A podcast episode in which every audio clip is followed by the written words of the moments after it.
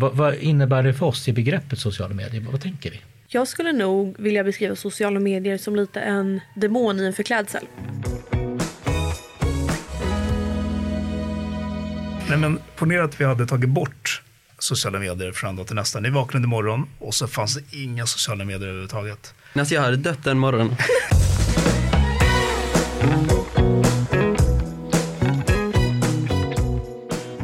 här är samtalet med mig, kurator Henke.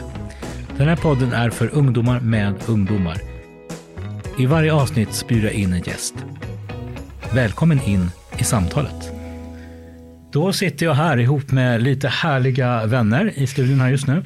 Och vi kommer idag faktiskt att prata om lite intressanta ämnen som jag vet att ungdomar klurar och finurar väldigt mycket på. Ehm, och de som är i studion just nu, det är två stycken härliga ungdomar.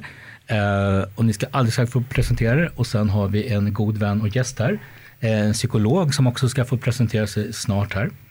Ehm, men vi börjar lite enkelt här med ena hörna. Ehm, Vem är du här borta i Ja. fin eh, dress? Tack så jättemycket. Mitt namn är Tamim Habib. Jag går tredje året i gymnasiet, naturprogrammet och jag tar snart studenten. Och sen har vi Ja, eh, jag heter Tindra Teijer Hedenstierna och jag går också sista året på gymnasiet och jag studerar sambeteende. Kanonbra. Och ni nämnde båda två just nu att ni faktiskt går sista året på gymnasiet. Eh, nu när ni snart lämnar skolan om någon vecka här, är det något speciellt som ni kommer sakna från tiden på, på er skola? Jag kommer ju definitivt sa- sakna det här att varje dag komma in någonstans, ha liksom det sociala som varje dag bara kommer automatiskt och träffa nya människor och allt det där. Jo, men jag skulle faktiskt ta och hålla med. Eh, Jag kommer sakna den här rutinen att på måndag så har jag engelska och sen så har jag filosofi och sen så har jag en annan lektion och så vidare. Jag, och även att ha vänner och dela hela liksom dagen och veckan med kommer jag sakna väldigt mycket. Just det. Grymt. Det finns ju som ni säger väldigt bra grejer med, med skolan och gymnasiet som man självklart kan sakna. Eh, det här är ju ett sätt att också umgås och prata med olika ämnen eh, som vi gör nu. Och därför har vi då idag en gäst. Eh, här vid min vänstra sida så har jag David. Tänkte höra, vem är du om du berättar lite mer om dig? Yes, Nej, men mitt namn är David Vaskuri, jag jobbar som psykolog och jag har känt Henke väldigt länge. Jag jobbade till och med på gymnasiet när jag gick i gymnasiet, så vi har känt varandra väldigt, väldigt länge. Just det.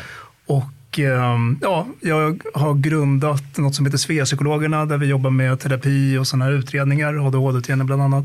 Vi finns i Stockholm, Göteborg, Malmö och ehm, utöver psykolog är jag psykoterapeut, socionom, ja, har en del utbildningar bakom mig. Och Eh, nej, men jag tycker det känns jättespännande och kul att vara med här idag, verkligen. Jättehärligt. Du är otroligt välkommen hit. Det ska bli jättespännande att ha dig också här mitt ibland oss i, i vårt samtal. Och det vi faktiskt ska prata om idag, som är dagens tema lite, så handlar det om det här.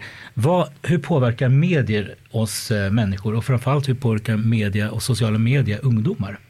Och vi ska börja här genom att vi faktiskt tar och, eh, som vi ska göra i varje poddavsnitt, att dra lite lappar i en burk som vi har här i studion. Och då har vi oavslutade meningar på lappan, lapparna. Och vi alla i studion ska få dra en, vilken lapp som helst och så läser vi den, den meningen och avslutar själva meningen. Och temat på lapparna handlar just om media och sociala medier. Så jag tänker att vi kör det som en liten start eh, så kommer vi in i själva ämnet. Så varsågoda alla och ta en lapp här i lilla burken här. Så skickar vi runt den här så att alla har varsin. Sådär. Tack så mycket. Så får du din Henke. Tackar, tackar. Ska vi låta ungdomarna börja? Ja. Ska jag börja? Mm. Då kör vi. På min lapp står det Sociala medier påverkar synen av mig själv för att Nej, men så här, på sociala medier ser man ju verkligen alla olika sorters människor och det är inte så att människor lägger ut när de mår som sämst. Det kan hända, men oftast ser man ju att människor lägger ut när de mår som bäst, de går ut en fin sommardag, tagit jättefina bilder eller de har spelat in en jätterolig video om hur eh, de har planerat sin framtid, om hur de har gjort en fin resa till Rhodos. Nej men alltså verkligen allting.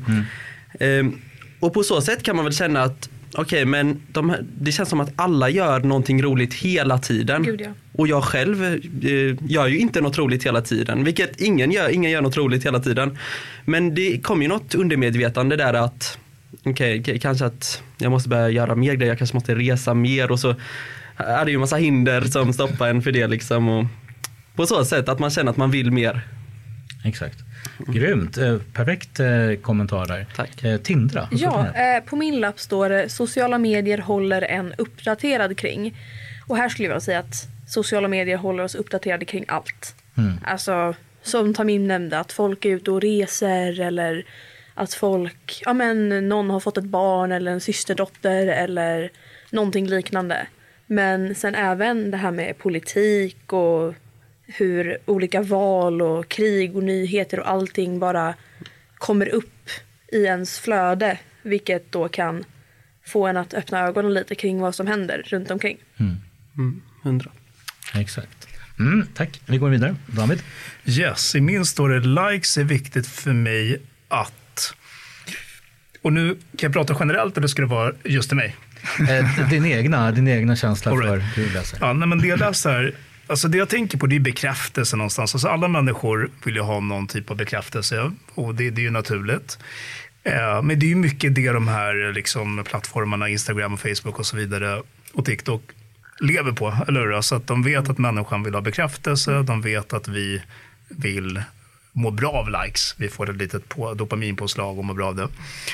Och, och det är i sig inget konstigt. Det som kan bli problematiskt, tänker jag, är om man vill det för mycket. För som i allt annat så kan det finnas ett överskott, underskott, balans. I psykologin pratar vi ofta om att man vill ha någon sorts balans mellan olika saker, stress, återhämtning eller och när något blir för mycket och det blir typ ett beroende, och man kan vara beroende av det mesta, det kan vara alkohol, men det kan också vara bekräftelse. Mm, mm.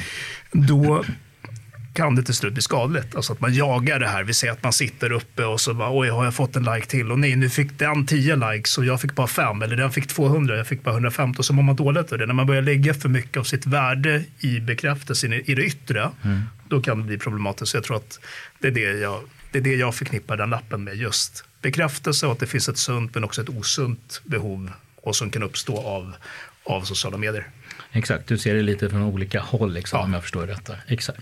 Eh, på min lapp då, som liten sista oavslutade meningen så står det att sociala medier ger mig känsla av. Ja, känsla av tror jag att världen är ganska stor och bred, eh, vid på något sätt. Även om vi som människor är ganska små i våra sammanhang så blir det väldigt stort. Man kan fånga själva omfånget ganska stort, vad som sker och händer i världen men också i våra egna liv. Eh, jag skulle nog påstå för mig själv kan det ge också en liten känsla av stress kanske. Gud. Eh, att det känns lite stressfullt ibland med all sociala medier som finns där. Både tillgänglig och, och väldigt brett. Liksom. Ja, det här är liksom lite för att komma igång. Vi har värmt upp oss lite. Och jag tänkte så här, innan vi kommer igång i ett liksom härligt gott eh, samtal om vad det här med sociala medier är och hur det kan påverka oss och ungdomar på olika sätt.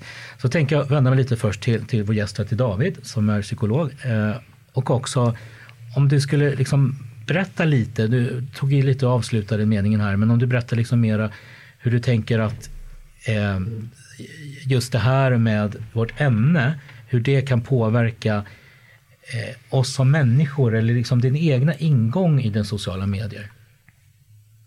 Nej, men precis. Jag, jag, tänker liksom att det finns både för och nackdelar med allt det här. För att det är klart, sociala medier har ju extremt mycket bra saker. Man kan träffa folk, bli vän med folk, som, hitta folk som man gick i skolan med för länge sedan. Och det, det är ett otroligt bra sätt att nätverka och nå varandra och det finns extremt mycket positivt.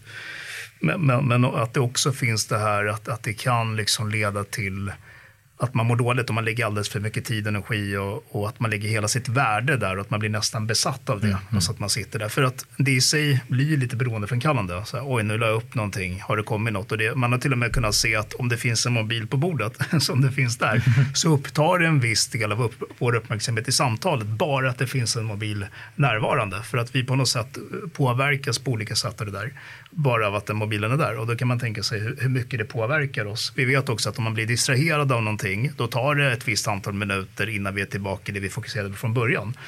Så att just det här som du var inne på, den här eviga tillgängligheten och, och det här att man kollar saker hela tiden och så vidare. Så det tar ju oss mycket från annat och det är ju sorgligt om det tar oss från meningsfulla, viktiga saker som till exempel om man har barn eller från relationer eller från man, man har en, en partner men så sitter man och scrollar här för att man tycker att det här ger snabbare belöningar än vad den relationen ger. Så, så då kan det också ge en del olika typer av problem. Så det finns både positiva och negativa liksom följder och konsekvenser av, mm av sociala medier, tänker jag. Jag tänker på det du sa, jag vet inte om ni andra höll med i studion här, att, eh, att just att mobilen ligger som du noterade.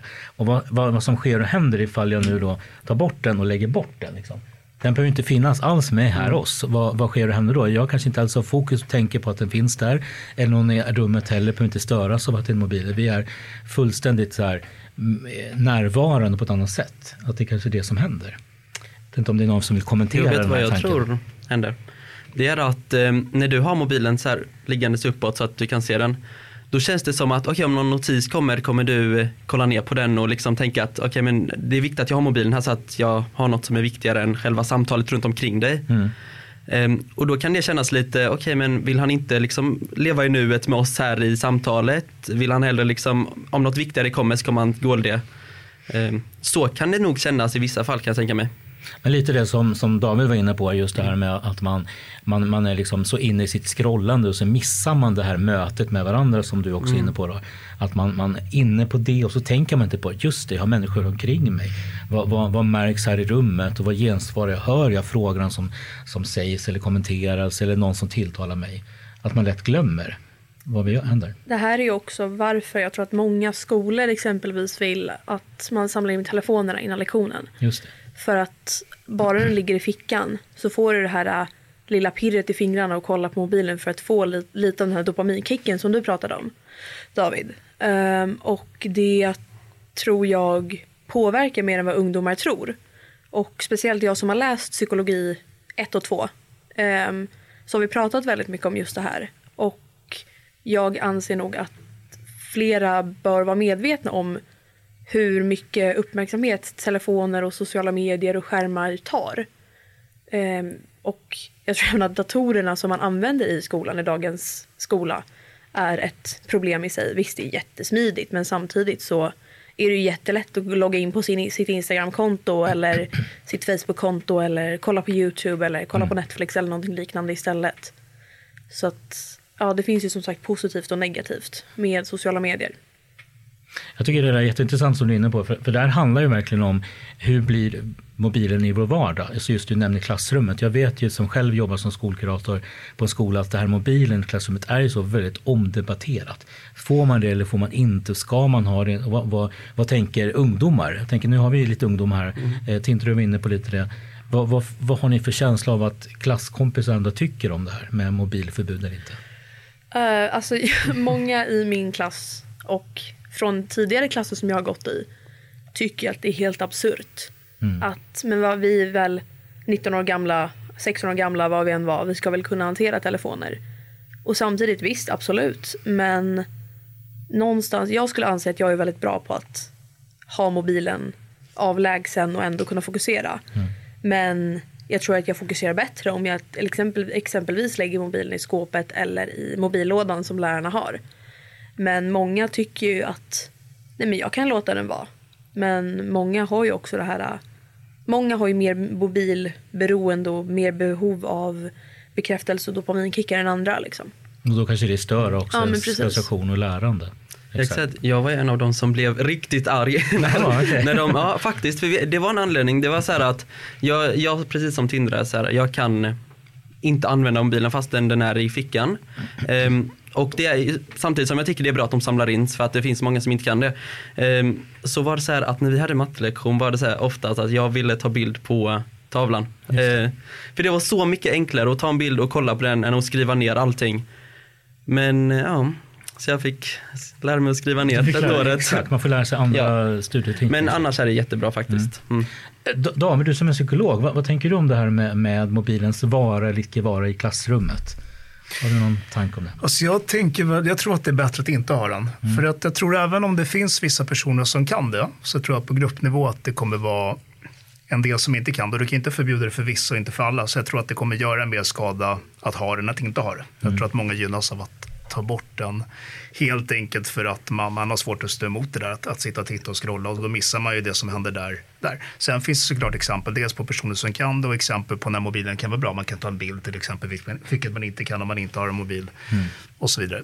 Men trots fördelarna skulle, tycker jag nog att nackdelarna överväger där. Och sen kan det också vara en person som säger att den kan det fast den är lite i, som man brukar prata om i beroende, lite förnekelse. Typ att, jo, nej men jag har inget problem. Fast sen så kanske man sitter och kollar väldigt mycket och att den tar mer än vad man vad man, vad man egentligen tror. Sen kan jag förstå att det blir det här, det blir autonomin och det här med självbestämmande. Det är ju det som, det blir ett problem där att, att du ska bestämma över personer som ändå är rätt så gamla. Du får inte och det, det. blir ju sällan bra. Så av det skälet kanske inte så himla bra. Men om, vi ska- om vi ska utgå bara från vad kommer vara bäst för att så många som möjligt i klassrummet kan lära sig så mycket som möjligt så tror jag att ta bort mobilerna kommer öka lärandet. Ja.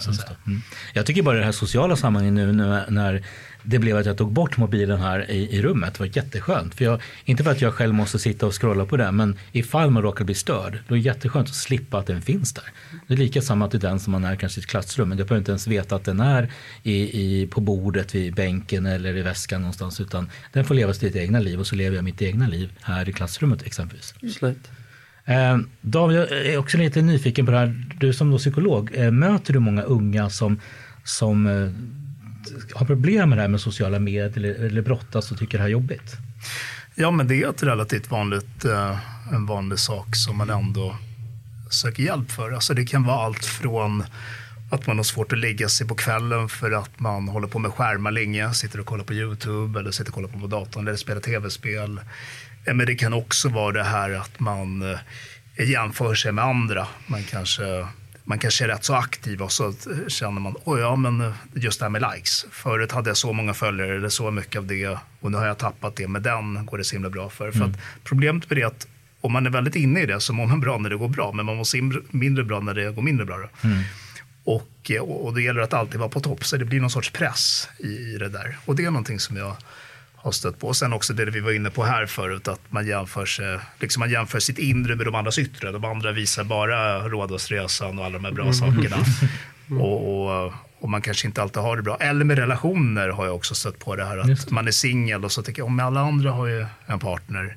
Eller man har lite kompisar, men alla andra har ju så mycket kompisar.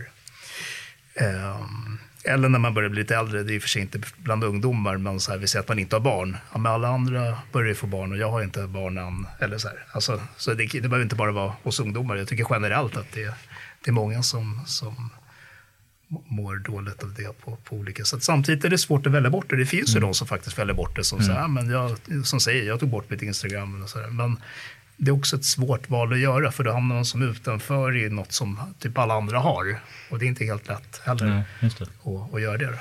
Jag, jag, jag själv liksom hör det ganska ofta när man talar med ungdomar i skolans värld, så här, att en del känner att det är ganska skönt ibland att faktiskt ta bort, pausa Mm, från det. ja. Att, som man brukar nästan kalla lite mobilfasta ett tag, eller mobilfasta från sociala medier. Det är inte om ni ungdomar här inne har en sån erfarenhet av det? Alltså jag har väl funderat på det. Men sen har jag väl aldrig kanske känt att jag har behövt det. För att jag kan ändå liksom lägga bort mobilen och kanske sätta mig och läsa i någon timme eller två. Liksom. Och då får jag ju på så sätt en mediapaus och hoppar in i en annan värld. Eh, men jag vet att jag har kompisar som har tagit mobilpauser och eh, sociala mediepauser och fortfarande liksom så här, tre månader senare inte har kvar sitt Instagramkonto för att det var så otroligt skönt att ta bort det. Ehm, så jag beundrar de som liksom klarar av det, de som verkligen har liksom problem med att ta undan mobilen på kvällen exempelvis. Ehm, och gå och lägga sig. För att jag vet att det kan vara skitsvårt. Eh, för att eh, framförallt TikTok, det är en sån oändligt scrollflöde. Ehm, så jag vet att jag har många kompisar som har så 10 timmar på TikTok ja, i, per dag. Jag har så här fyra timmar TikTok i veckan. Alltså det är väldigt stor skillnad från person till person. Finns det någon statistik det, just hur, jag vet inte om, om, om någon av oss har en statistik just hur, hur många timmar genomsnitt använder exempelvis en ungdom TikTok? Kanske väldigt individuellt också. Men... Det är väldigt individuellt. Ja men alltså grejen är att när man använder TikTok, alltså du har Tik- du har TikTok på mobilen. Har någon av er, David och Henke, har ni TikTok? Mm. Ja? Nej, jag har inte det. Nej, nej, nej, nej. ladda inte ner. Nej, Nej, men eh, så jag vet inte, eh, vi som har TikTok här, känner ni också att tiden går skitsnabbt när Ja. man scrollar på TikTok? Framför, Alltså, eller i alla fall på kvällen. Ja, verkligen. Alltså, det var så här när jag var yngre och det var så här, ja, men jag ska vänta en timme till någonting, typ att gå ut eller något så här. Då var det som värsta, ah, en hel timme. Men nu är det bara liksom scrolla TikTok och så typ, det känns som tio minuter så har det gått en timme liksom. Och jag vet inte varför, vad beror det på? Är det för dop- Jag dopamin tror bara att det är- något nytt? Jag tror att det är för att den här så kallade For You-page Mm. eh, anpassar ju efter dig vad du har liksom gillat och sparat och Precis. vad du pratar om egentligen. Eh, och då får den ju upp saker du är intresserad av. Så jag får upp ganska mycket böcker för det är, det är någonting jag är otroligt intresserad av. Och då kan jag också liksom sitta i, ja men i alla fall 30 minuter och kolla på olika bokrekommendationer. Så jag tror att det handlar väldigt mycket om det, att just For You-page är för dig. Ehm, så att det är därför det blir ett liksom oändligt scrollande egentligen. Jag vet inte hur du... Jo, men absolut. Jag håller med. Alltså, just att den anpassar det efter dig, så att den vet exakt så här, vad vill du kolla på. Du kommer inte få samma som du. Så att säga. Så här. Men, men sen också det här med, som alla beroenden, att, att man, man får en toleransökning. Så är det ju med allting. Men om man tar alkohol eller drog eller vad som helst. Du börjar med en viss mängd och sen behöver du mer för, att- för, för, för att liksom känna någonting. Och jag tänker att det är samma här. Från början kanske, första gångerna kanske man, man kunde se ett helt klipp. Men sen efter ett tag kanske man ser halva klipp och sen måste du kolla på många klipp och sen måste du kolla många timmar. Man, man behöver mer för att få det här eh, påslaget. Det kallas för toleransökning då i, Okej. i, i beroende. Jag skulle kunna tänka mig att det finns någonting i det. Att det är anledningen till att man håller på sådär och hoppar från från klipp till klipp och att man kollar, man blir aldrig nöjd. För man vill inte släppa belöningen så att säga. Det är klart Nej. att man vill ha kvar det här påslaget hela tiden. Finns det en psykologisk aspekt i det just det här med att, som Tamim var inne på, att det känns som att tiden går så sjukt snabbt. Eh, Finns det någonting i våra, våra sinnen som påverkar det att, att det blir så? Att tiden känns fortare på något sätt. Ja, exakt. Att eh, vissa, vissa medier som man scrollar på går så otroligt snabbt.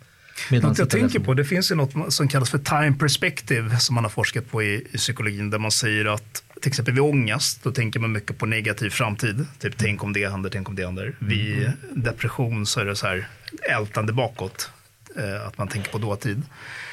Men man, man säger att just vid till exempel ADHD och när man är manisk i bipolaritet, då är, då är man extra mycket i nuet. Och eh, alltså att man tänker inte så mycket fram och bak. Och det är det jag tänker händer kanske när man sitter där. Man blir väldigt mycket nuet, man släpper ju allting annat. Jag menar, när man hamnar i någon sorts flow. Alltså det man kallar för den här känslan som man ibland kan få till exempel när man jobbar eller tränar eller eh, där, där man tappar eh, tidsaspekten. Det känns bara väldigt bra. Det kallas för att vara i ett flow och det är någonting man ofta vill uppnå. Och jag tänker att det är lite det man hamnar i när man kollar på de här. Man, man slipper tänka på, och den sa så, det händer det. Och det blir lite som en flykt och man får bara vara i det med, med det här dopaminpåslaget. Och man vill inte att det ska ta slut och då, då tappar man också tidsaspekten och alla de här bitarna. Kan man säga på något sätt att man verkligen är i nuet då? Det skulle jag säga på ett sätt. Men man är ju väldigt mycket i, i nuet i, i det man ser, så att säga. Men man, man, och det är väl därför också att man slipper den här oron, man slipper ältandet. Och det blir en, en belöning i det och då vill man ju använda sig av det varje gång för att slappna av. Problemet blir väl att det, blir, det är ju också, det är också mycket informationsbearbetning. Och, så det är ju inte, helt, inte att man är helt utvilad heller. Det är inte som att ligga och sova eller ligga och meditera. utan det är ändå någonting som tar en del energi. Så, jag menar, och det går ut över sömnen. Och, Så det är på gott och ont. Alltså, I lagom dos så, så är det inga problem. Men det är klart, sitter man i tio timmar om dagen och det går ut över sömnen, men då har man ju plötsligt ett, Exakt. ett problem. Just det. Eh, Tindra, du var lite inne på det här, att, eh, tänkte vi, vi, vi pratar just om nu, med att det tar att det kan gå så lång tid med att sitta omkring. När du löser böcker, känner, känner du samma sak där när det gäller scrollande till sociala medier, att det bara tiden slukas? Ja, 100 procent. Eh, speciellt när du läser fantasyböcker. För då flyger du in i en helt annan värld. Du får träffa helt nya karaktärer och det är lite samma. Alltså, det är, jag skulle väl påstå att många om man säger influencers på sociala medier är karaktärer. de sätter upp lite av en fasad för vad de tycker att deras följare, vad de vill att deras följare ska se. Eh, vilket också då kan skapa en stress i sig. Att jag som en följare till en influencer tror att det här är liksom den personens verkliga liv. Men det kanske inte är så. Så därav skulle jag väl säga att böckerna ger en helt annan, en helt annan tillit. För där, jag vet att de är fiktionella. Men samtidigt så blir det som att man tar in deras värld på ett sätt. Det är lite svårt att förklara. Men, men ungefär som att man skapar sin egna, jag ska inte säga sagovärld, men sin egna värld med uppbyggnad av fiktiva personer och uppbyggnad av hur världssystemet ser ut och vad man precis. vill påverka och så vidare. Om jag får flika in bara lite. Ja. Nej, men vi har ju förmågan liksom att leva oss in i olika saker i en bok eller en film och liksom nästan tappa bort oss själva i berättelsen. Och jag tror att mycket att den förmågan att leva oss in i saker, det är mycket det som händer där när, när man kollar, när man läser en bok och så där, man, man lever sig in i det. Och, och det är skönt, för på något sätt där finns ju inte det där, den stressen eller den oron man har i det vanliga livet, utan då får man leva sig in i det här problemfria, bara sköna, bekväma. Och, och den förmågan är både på gott och ont, för där kan den vara bra, men till exempel i ångest, vi säger att man tappar bort sig själv. Oj, tänk om eh, det blir krig imorgon. Vi kan tappa bort oss själva i det och det triggar ju vårt fight or flight system. Så att den där förmågan kan man använda till olika saker. Det var ungefär det. Ja, men väldigt bra. Det är ganska intressant liksom, synvinkel på allting. Eh, Verkligen. Jag tänker på ett begrepp som, som kanske är bra också när vi pratar här så att vi, vi är lite inne på samma sak. När vi satt innan och, och debriefade lite om det här ämnet då, så kom vi fram till att sociala medier, ja vad är det egentligen? Det är ganska brett. Nu pratar vi om det lite här och där, vi har pratat om TikTok och annat, men vad, vad innebär det för oss i begreppet sociala medier? Vad, vad tänker vi? Vad tänker ni ungdomar? Ja, nej, men jag skulle kunna säga att sociala medier för mig i alla fall är ett, eh, dels ett sätt att kommunicera med sina vänner på ett effektivt sätt. Ehm, ja men alltså vi har ju Snapchat, man kan ju både liksom skicka bilder och så, så har vi, ja man kan skriva varandra som vanligt sms fast det är en social media. Så kommunikation eh, och sen är det ju även ett sätt att ehm, lära sig, utforska andra perspektiv eh, på saker och ting och ja men helt enkelt ha nöje skulle jag säga. Nej, exakt. jag skulle nog vilja beskriva sociala medier som lite en demon i en förklädsel. För att ena sekunden så kan det vara liksom värsta bästa kommunikationsverktyget som exempelvis Snapchat som jag använder dagligen. Eh, men sen så har vi det här eh, den underliggande stressen i att du ska få likes eller du ska vara på ett visst sätt eller du eh, är rädd för vad folk kommer skriva, tänka, tycka. Eh, och sen återigen jättebra om man vill kanske hitta något nytt. Som jag använder till exempel Youtube för att kolla på bokvideos för att få bokrekommendationer och så att jag hittar nya favoritförfattare. Men sen kan det istället vara en demon i sättet att ja, men, om jag skulle börja med Youtube skulle jag få lika mycket likes om jag pratar om samma saker? Eller liksom finns det något? Jag skulle nog kunna säga att sociala medier ger en alltså en tvekan på en själv. Liksom, om jag skulle göra samma sak som Kim Kardashian eller liksom Bianca Ingrosso. Skulle det vara samma sak? Förmodligen inte. Och liksom, vad är det hon, de har förutom kända familjer som jag inte har? Alltså man, man jämför sig själv precis som du var inne på David. Ehm, så att jag skulle nog vilja nämna sociala medier som en eh, förklädd demon. Helt ärligt. Mm, intressant begrepp, verkligen. Ja, jag har faktiskt en fråga till Tindra. Så jag tänker på Snapchat. Eh, ni, alla vet vad Snapchat är? ja. eh, så Snapchat. Så folk använder ju Snapchat eh, dagligen, eh, som du sa. Jag gör det också. Men jag använder Snapchat när jag skriver till mina vänner. Alltså jag chattar alltid på Snapchat och liksom, ja men som att smsa fast det är på Snapchat istället för att eh, alla har det, det är lätt att få det. Det är mindre stelt att fråga om kan jag få din Snapchat än att kan jag få ditt nummer. Det är det. Jo, men jag tror också att det är lite att vi lever i den världen. Mm. Alltså om jag får kolla på herrarna på min högra sida här, Henke och David, att jag tror att det är mycket stelare för er kanske att bara kan jag få din Snapchat. Det är två, helt, och det är två helt olika generationer. Ehm, men jag använder ju Snapchat framförallt som att skicka men, bilder eller videosnaps där jag pratar. För jag tycker inte om att prata i telefon. Men sen om det är någonting viktigt, då messar jag med människan. För att mm, smsen kommer fram medan du kan stänga av notiserna på Snapchat. Så att det beror lite på vem det är jag ska kommunicera med. Så jag försöker anpassa min kommunikation till personen, hur jag kommunicerar.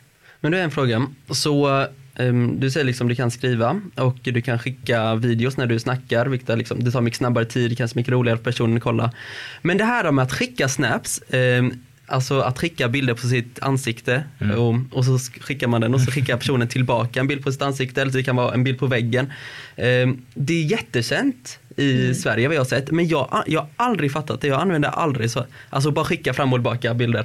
Nej, jag, Förklara. vet, jag tror att det är eh, fenomenet att ha dagar, att ha Ja, snapstreaks. precis. att, precis. För att snapstreaks är ju när du, efter, om jag och Tamim snappar varandra i mer än tre dagar, då får vi en liten eldsvåda och en trea bredvid varandras namn. Och ska man hålla upp det där, uppe den, jag tror jag har över tusen dagar med en av mina bästa vänner. För att vi snappar genuint dagligen. Men jag tror att många bara gör det för att ha dagar, för att ha dagar. Mm.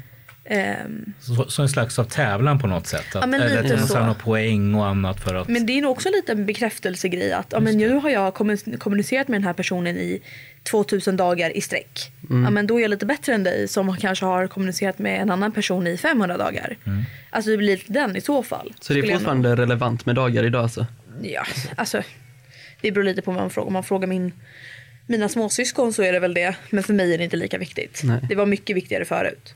Och det, och det här kanske liksom också är en generationsfråga. För jag inte, det är jätteintressant för mig som är lite äldre men ändå jobbar i skolans värld att ändå höra att okej, det är lite därför man kanske använder sig av, av snap och bilder och här liksom man gör tecken och miner och ansiktsbild på varandra och sådär. Att det finns en, en orsak bakom det där varför.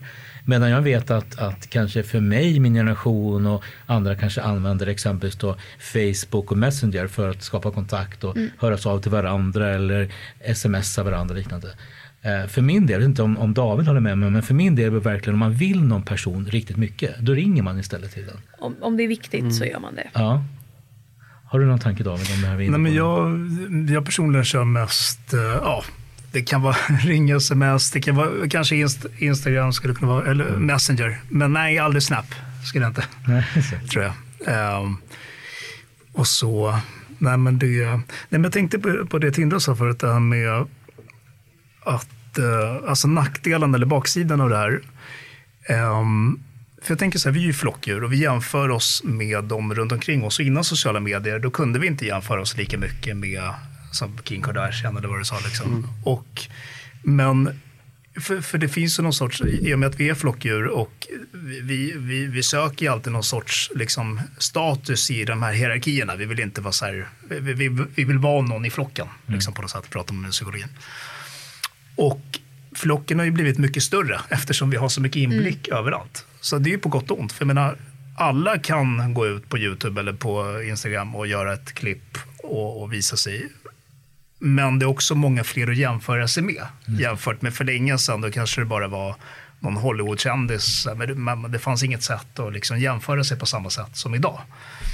Så, så jag tror att ehm, det, är en, det är en ökad möjlighet men också en ökad stress, precis som, Timmy var inne på där tidigare. Och det är väl det det är liksom med det, att, att det finns så otroligt mycket möjligheter med det. Både liksom till, det, till det här goda men också till liksom lite demonaktigt som du sa nästan innan. Att det är så otroligt brett eh, men också ömtåligt. Eh, vi har varit inne på den lite bit, jag tänker ständigt vara uppkopplad. Vad händer och gör det med oss? Både för ungdomar och oss människor överhuvudtaget. Vad tänker ni kring det? Tänker du uppkopplad? Eh, att vara uppkopplad till, till sociala medier, till nätet, till olika chattar, till olika eh, flöden av olika slag. Vad gör det med oss som människor? Kunskap. Ja, kunskap om världen, vad som händer just nu. Ja, Skulle jag kunna säga en grej. ja. Alltså jag skulle väl säga att för mig, eh, som jag var inne på innan, att jag har pluggat psykologi eh, på gymnasienivå. Då, då. Eh, och då har man pratat om det här med rollteorin, att man söker sig till olika roller i olika sammanhang. Att du håller upp lite som olika masker. Och jag skulle väl säga att man, eller jag personligen sätter på mig en liten roll i att jag är väldigt känd för att vara tillgänglig på sociala medier. Jag svarar ganska snabbt på Snapchat eller på sms eller någonting.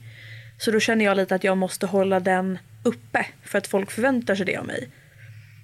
Um, men så att jag skulle säga att det är det är det som är med mig och sociala medier. Att jag känner att andra förväntar sig att jag ska vara uppkopplad och svara fort. Så då måste jag göra det. För det är liksom det, ja, men det är mitt ja, men, purpose i livet. så att säga. Och jag skulle säga att följden av det blir ju stress. Mm. För att jag menar, du kan alltid bli, alltså de kan alltid nå dig, så att säga. Och och jag bara tänker så här, när jag var typ så här 15, nu låter det som att det var extremt länge sedan, men då fanns det, fanns ju inte ens mobiler. Mm. Då hade man liksom ett, en personsökare. Just det, just det. Och då fick du så här, nu, nu ska jag ringa den. Och så fanns det telefonkort. Och så fanns det telefon. Okej, okay, ja, nu ringde den. Och så här. Men du kunde inte bli nådd. Och stressmässigt, alltså förmodligen mycket bättre. Mm. För nu, jag bara tänker på så här, ja, men jag som egenföretagare också, jag kan alltid bli nådd. Liksom, okay, och jag kan få se mejlen på mobilen och det är lördag och oj, nu mejlar den, nu messar den. Nu. Det, är det är ju stress helt enkelt. Alltså det, och det är klart, då kan jag välja att bara okay, stänga av eller ha två olika nummer. Eller så här. Men det är inte helt lätt heller. Det är lätt att säga men svårt att göra för att eh, samtidigt drivs man av andra saker också. Så att säga. Så att, eh, eh det, är inte, och det rationella kanske säger okej, okay, ja, men det, det, är bara att stänga av. Lägg bort mobilen där borta.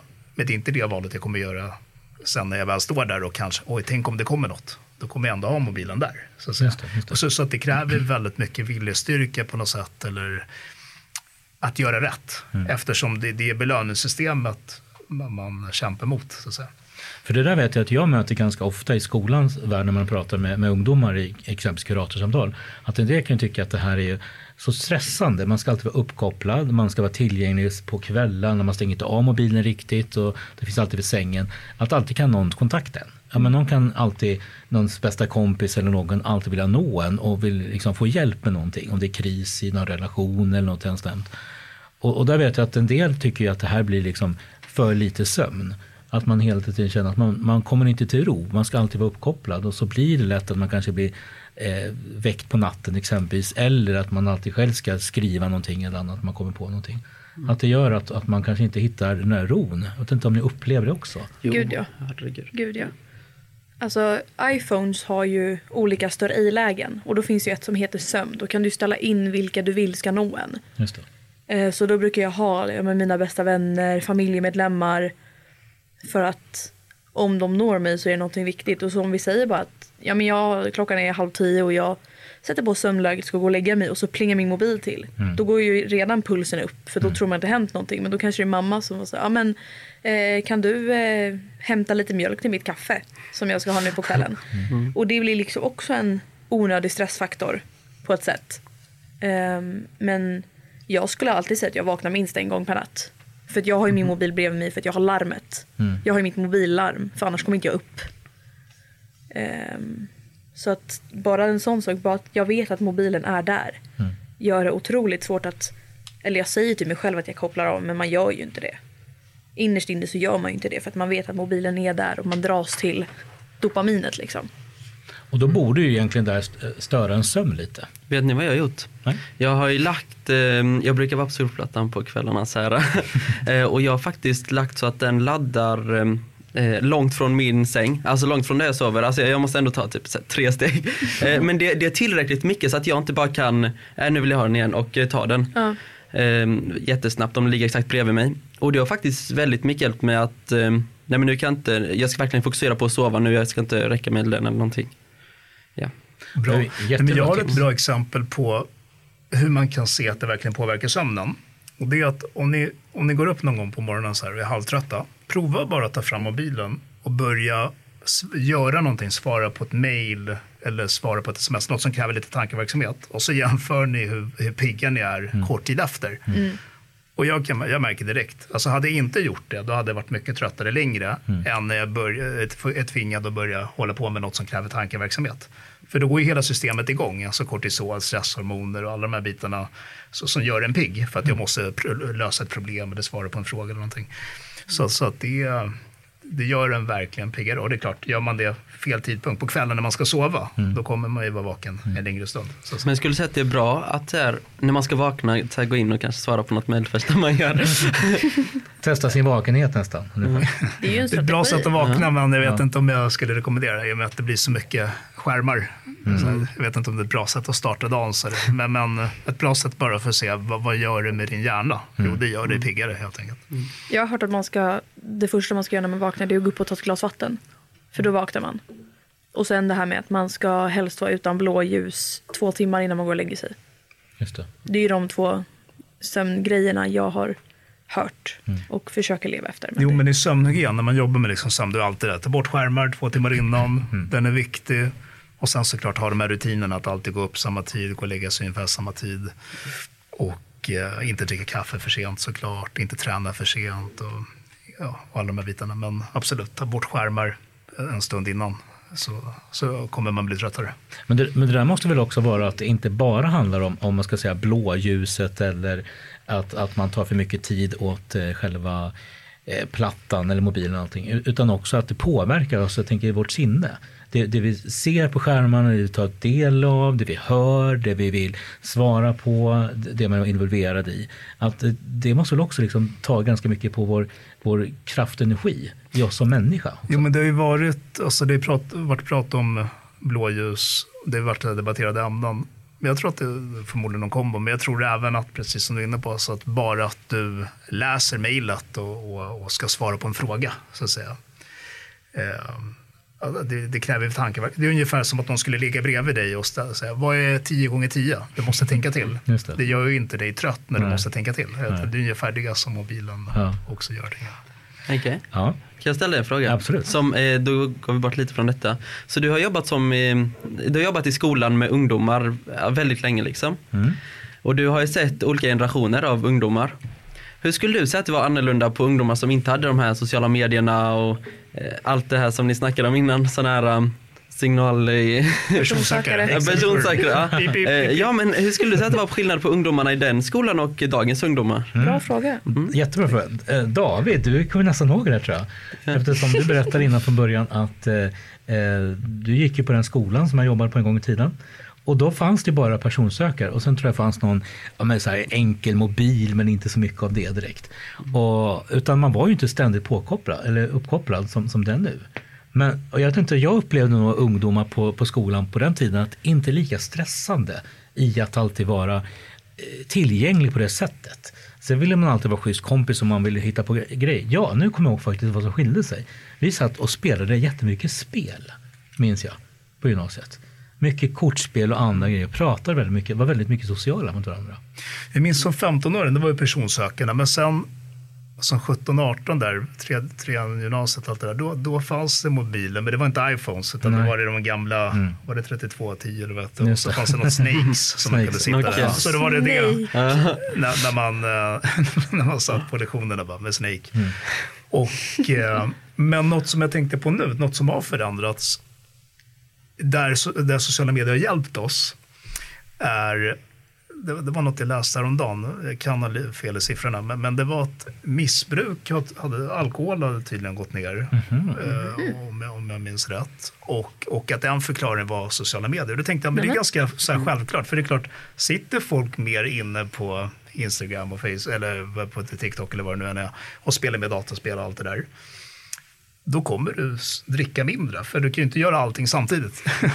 Ja. Så att det är inte bara negativt om det nu har lett till ett mindre kemiskt missbruk. Eh, att, att, eh, så, så kan det ha fört någonting bra med sig också.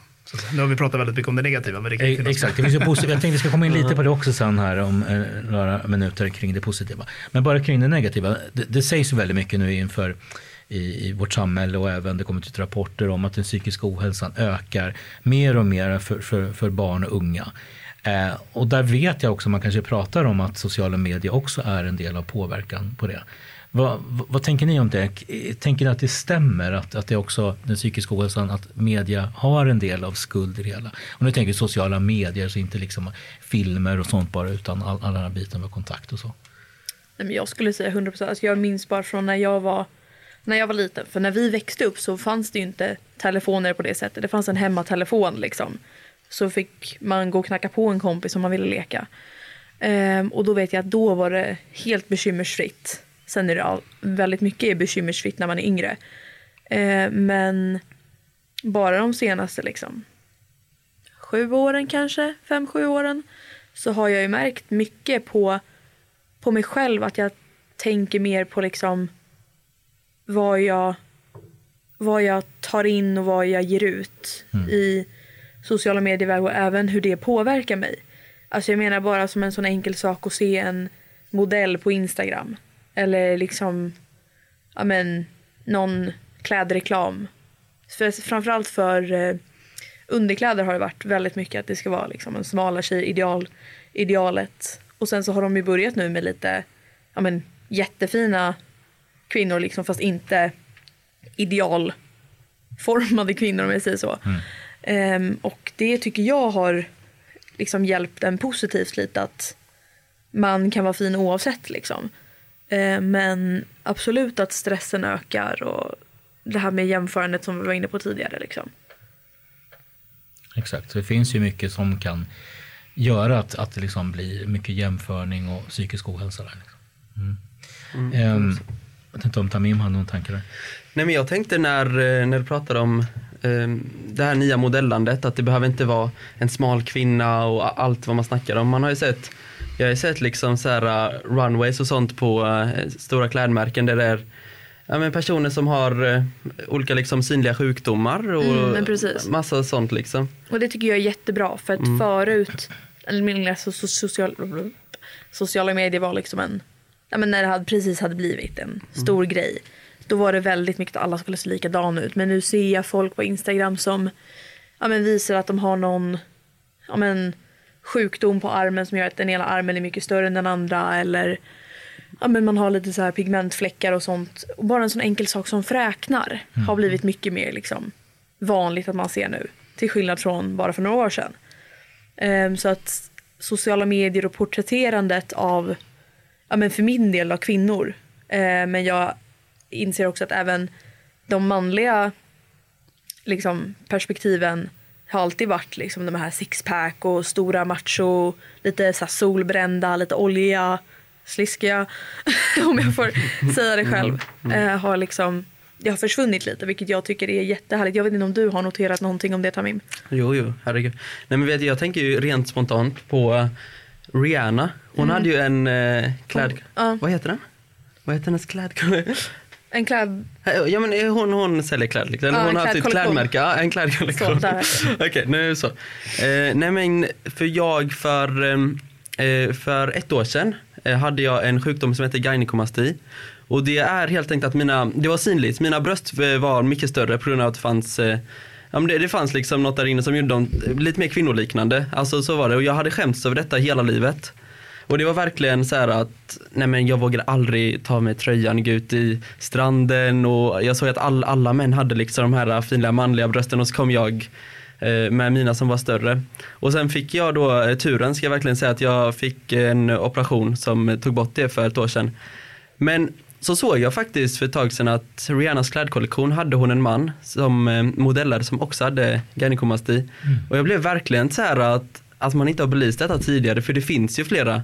Och så blev jag verkligen alltså rörd och respekterar Men- henne så otroligt mycket mer. Det förstår jag. Alltså, jag tror att många men nya klädmärken skulle jag väl påstå är rädda för att visa det här liksom ja, men det som kanske är mer mänskligt och inte så mycket perfekt. Om man får säga så. Ehm, så precis som med liksom hela din resa. Att det är klart att du blir jätteberörd att det faktiskt belyser och att man framhäver att det finns sådana typer av ja, men sjukdomar och sånt. Eh, Så jag tycker det är, jätte, det är en, faktiskt en positiv grej med sociala medier. Att det har börjat uppmärksammas mer nu för att folk är lite så okej men sociala medier är redan falska så då kan jag lika gärna jag vara äkta liksom. Alltså lite så tror jag att många tänker. Ehm, ja, jag vet inte om ni har noterat någonting om det. Men det är lite intressant för då blir det så här att, att sociala medier kan ju också visa någonting bra, positivt som du är inne på. Samtidigt så blir det ju också en negativ sida ifall man bara tänker att så här ska idealet vara för en, för en tjej, en kvinna, för en man. Liksom att det är så som det ska vara och man strävar efter någonting. Men det kan också lyftas fram fina aspekter och positiva grejer också. Att det är okej exempelvis att fräkna eller vara på ett visst sätt också. Att det är fint. Ehm, ja, det här är ju verkligen liksom också en, en del av där media gör någonting med oss människor. Tänker, det påverkar vår, vår självbild på något sätt. En sak som jag har tänkt på, om vi ska prata lite goda grejer också, så tänker jag att en grej handlar ju om att, att kanske se, okej, att jag också kan nå ut, nå ut vidare, jag pratade lite om det innan, hur man når ut i, till andra människor med intressen och liknande. Att också skapa goda positiva subkulturer eller kunskap eller kontakt med, med gamla vänner och om man kan träffa varandra på, på andra sätt också. Att det är någonting gott och positivt med det här. Finns det andra positiva grejer som kan vara? Alltså, det är väl det att du kan känna att du kanske inte är ensam. Mm. Så många har, det har blivit ganska vanligt nu att man kanske kommer ut som bi eller homosexuell eller eh, transsexuell eller vad som helst. Och att då man kanske känner sig igen till det och kanske vågar liksom omfamna en själv och man kanske har känt på liknande sätt. Att man då känner att men gud jag är inte ensam. Jag trodde att jag var väldigt ensam kring det här jag tänkte eller den här jag är eller hur, hur jag känner eller, så, eller liknande. Så jag tror att det är väldigt bra att man generellt uppmärksammar ja men, som sagt mänskliga sidor. Eller liksom att man verkligen omfamnar den man är för då kan man ju nå ut till andra så att andra inte känner sig ensamma. Så det skulle jag nog säga är en väldigt positiv grej. Och sen att vara sociala med kompisar så. Just det. Till exempel så finns det ju den här appen Discord som eh, det är en app. Eh, Och där kan man eh, snacka med sina vänner. Det brukar vara känt att snacka med det medans man Medan man spelar. Det är ganska populärt och då brukar jag ibland spela med mina vänner och så kan man snacka ett gruppsamtal där och ha lite musik i bakgrunden. Det blir en helt annan stämning. Alltså bara vara social, ha en rolig stund med sina vänner också. Så väldigt social interaktion liksom. med- med Verkligen. inne. Ja, och exakt. stämningsfullt. Exakt. Eh, psykologiskt perspektiv, finns det någonting gott och positivt där med? Nej, men jag skulle säga att eh, det finns ju personer som har svårt också att träffa andra, alltså med vissa diagnoser där sociala är svårt att, att umgås med personer, att det är väldigt skrämmande att träffa någon så här fysiskt och där man ändå får no, någonting socialt i den kontakten. Så att det, det, man, det, för det är inte att det, det sociala man får därifrån, det är inte som att det inte är värt någonting, utan det är ändå en viss typ av socialt uh, umgänge som man ändå får så, och som kan vara enklare för vissa personer. Tänker jag. Just det. Jag vet inte om det alltså tänker på en sak som, jag vet inte hur mycket det framkommer med det, men en sak som jag saknar lite. Eh, vet hur man som skolkurator möter många ungdomar som tycker att det är jobbigt i livet på olika sätt. Är psykisk ohälsa, det är eh, kring jämförelser, det är kring stress, kring att eh, liksom, kunna klara av allt som krävs i livet. Så här. En sak som jag missar ibland, jag vet inte vad sociala medier säger om det, det är lite det här med vårt egna värde som människa.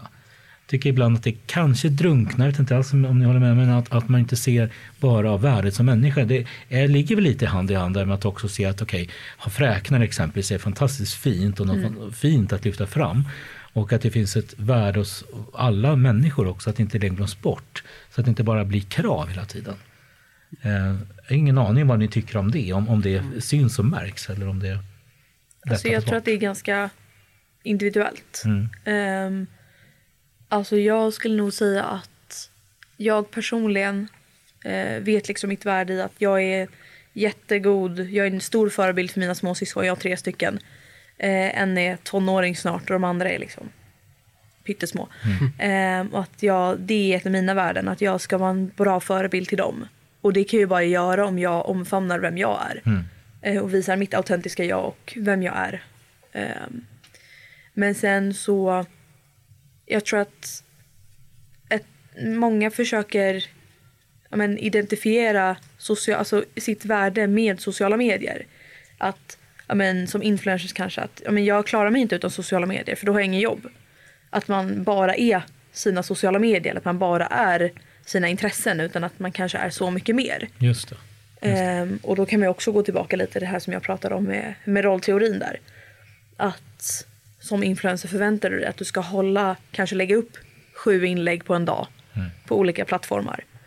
Ehm, eller liknande. Och då blir det ju ens värde på så sätt att jag ska uppfylla någon annans förväntningar på mig och att det blir ens värde då. Just det.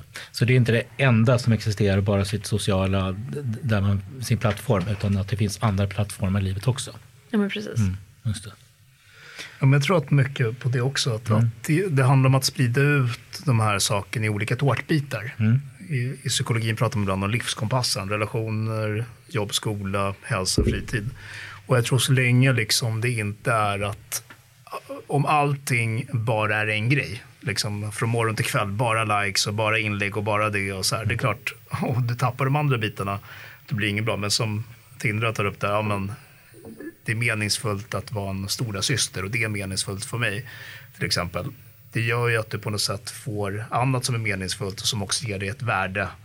Så jag tror att man kommer långt bara på det, att på något sätt tänka balans i livet och tänka att du investerar i olika tårtbitar och du lägger ett värde du lägger tid och investerar i de olika tårtbitarna och då kommer du också få ett värde och meningsfullhet från flera delar och inte bara från en del. Just det.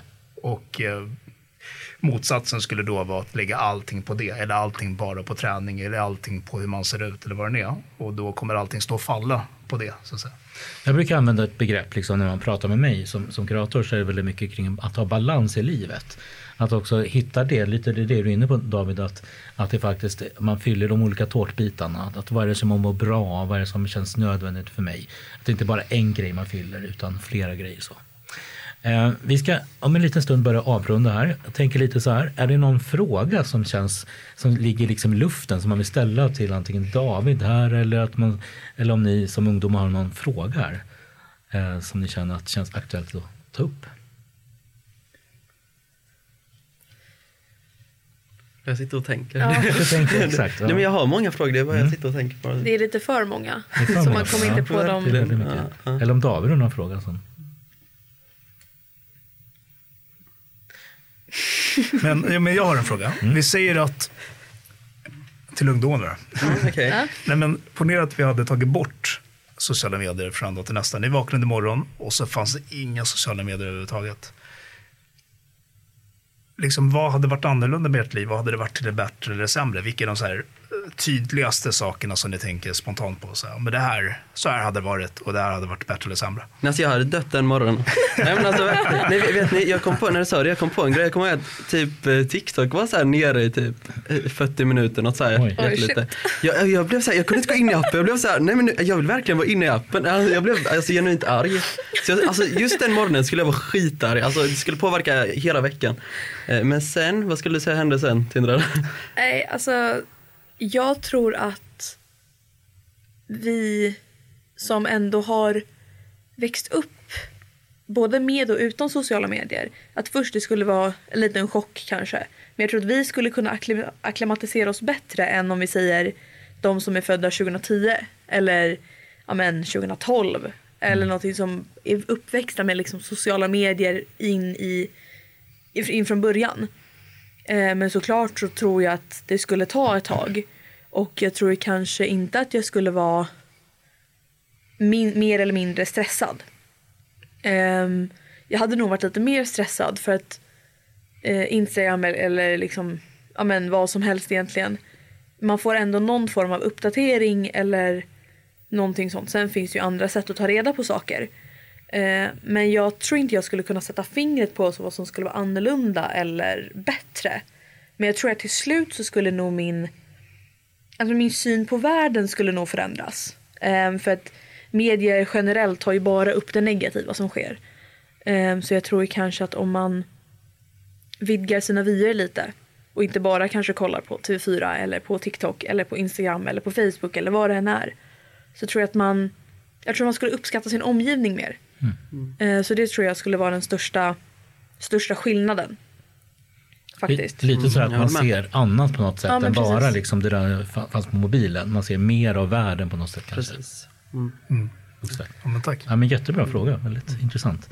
Ehm, som avslutning så tänker jag att vi ska faktiskt se om vi har några snabba tips på en, lite av det vi pratat om. Att tänk på det här. Ehm, så att komma på någonting som vi vill säga till de som lyssnar. Att det här tipset tänker jag på när det gäller sociala medier som, som har hjälpt mig eller som kan hjälpa generellt. Eller att må bättre eller hantera det här bättre också. Så. Eh, Jag vet inte om vi ska börja någonstans. Om David kanske har ett bra tips Ett till oss? tips. Eh, nej, men jag skulle säga att just det här med att tänka lite schemalägga eller planera hur mycket man ska använda skärmarna. Att våga ställa bort mobilen, våga stå emot impulsen. För att jag tror de flesta kan känna att ibland känns det bra att kolla, kanske på YouTube eller vad det nu är. Men ibland är det så, åh nej, nu borde jag göra någonting annat, men nu gör jag det lite för mycket, alltså lite så här på ett beroende sätt. Och och ett sätt är då att komma, komma ifrån det, att inte bara gå på impuls, utan gå mer på planering, så att säga. Hur mycket får jag kolla varje dag, eller hur mycket får jag hålla på med det där, och mellan vilka tider. Kör ett litet schema och försöka följa det. Och det kommer inte vara lätt, det kommer vara abstinens ibland, och ibland kommer det vara att man så här får verkligen stå emot impulsen. Men om man man har mycket att vinna, så att säga, på det. För vissa kommer det lätt, men har man lite av ett beroende så kommer det vara en svår sak. Mm. Men det, det är mitt tips. Så schemalägg, Schemalägg. tips från psykologen. Yes. Tindra, har du några Ehm, tips? Jag skulle väl gå på lite mer det här äh, personliga, cheesy, att om du känner dig stressad eller jämför med dig själv, don't. Alltså det, det låter lättare sagt än gjort, men det är verkligen så att alla är fina och bra på sitt egna sätt. Och jag tror att man måste någonstans inse det för att sen kunna ta tag i sina sociala medier-vanor på något sätt. Ehm, så ja, men, försök balansera upp ditt liv men liksom, tänk på att du inte behöver jämföra med alla andra för att du är liksom, perfekt precis som du är. Och det finns bara en du. Just det, exakt.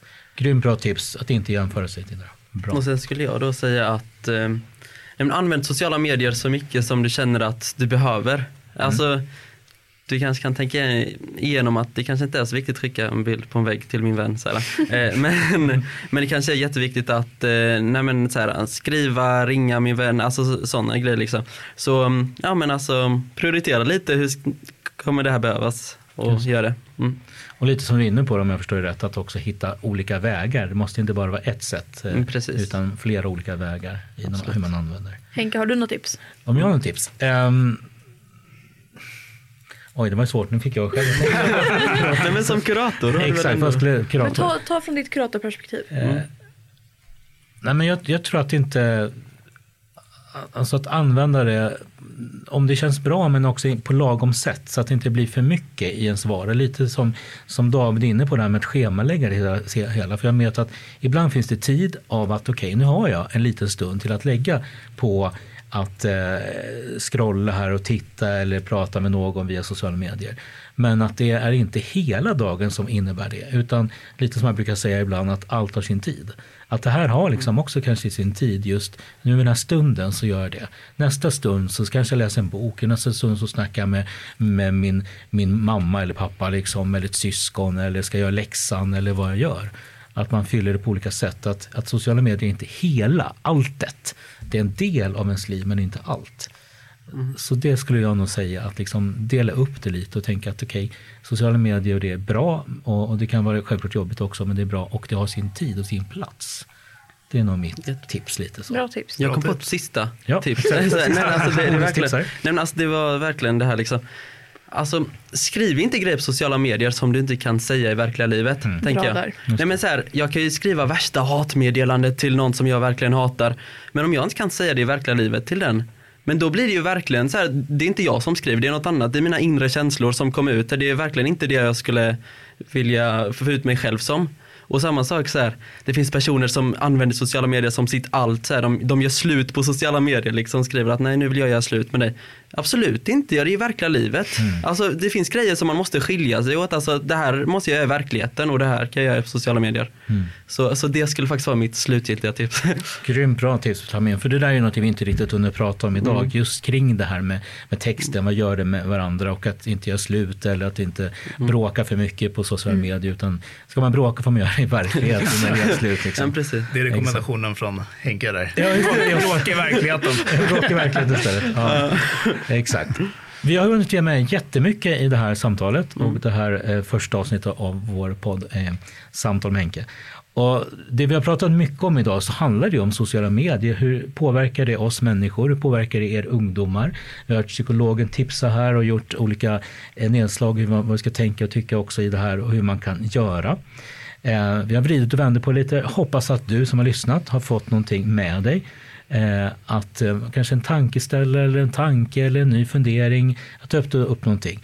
Och självklart så är det ju bara att fortsätta att om man använder det som ett kontaktsätt på olika sätt och använda det som vi kan göra. Så jag vill tacka alla medverkande. Tack, Tack. er ungdomar och Tack tack. David att du varit här Stort tack till er. delat med dig av dina erfarenheter och kunskap. Så jag vill bara avsluta med att säga tack för, eh, för den här stunden och så ses vi nästa gång. Tack. Ha det bra. Ha det bra. Tack.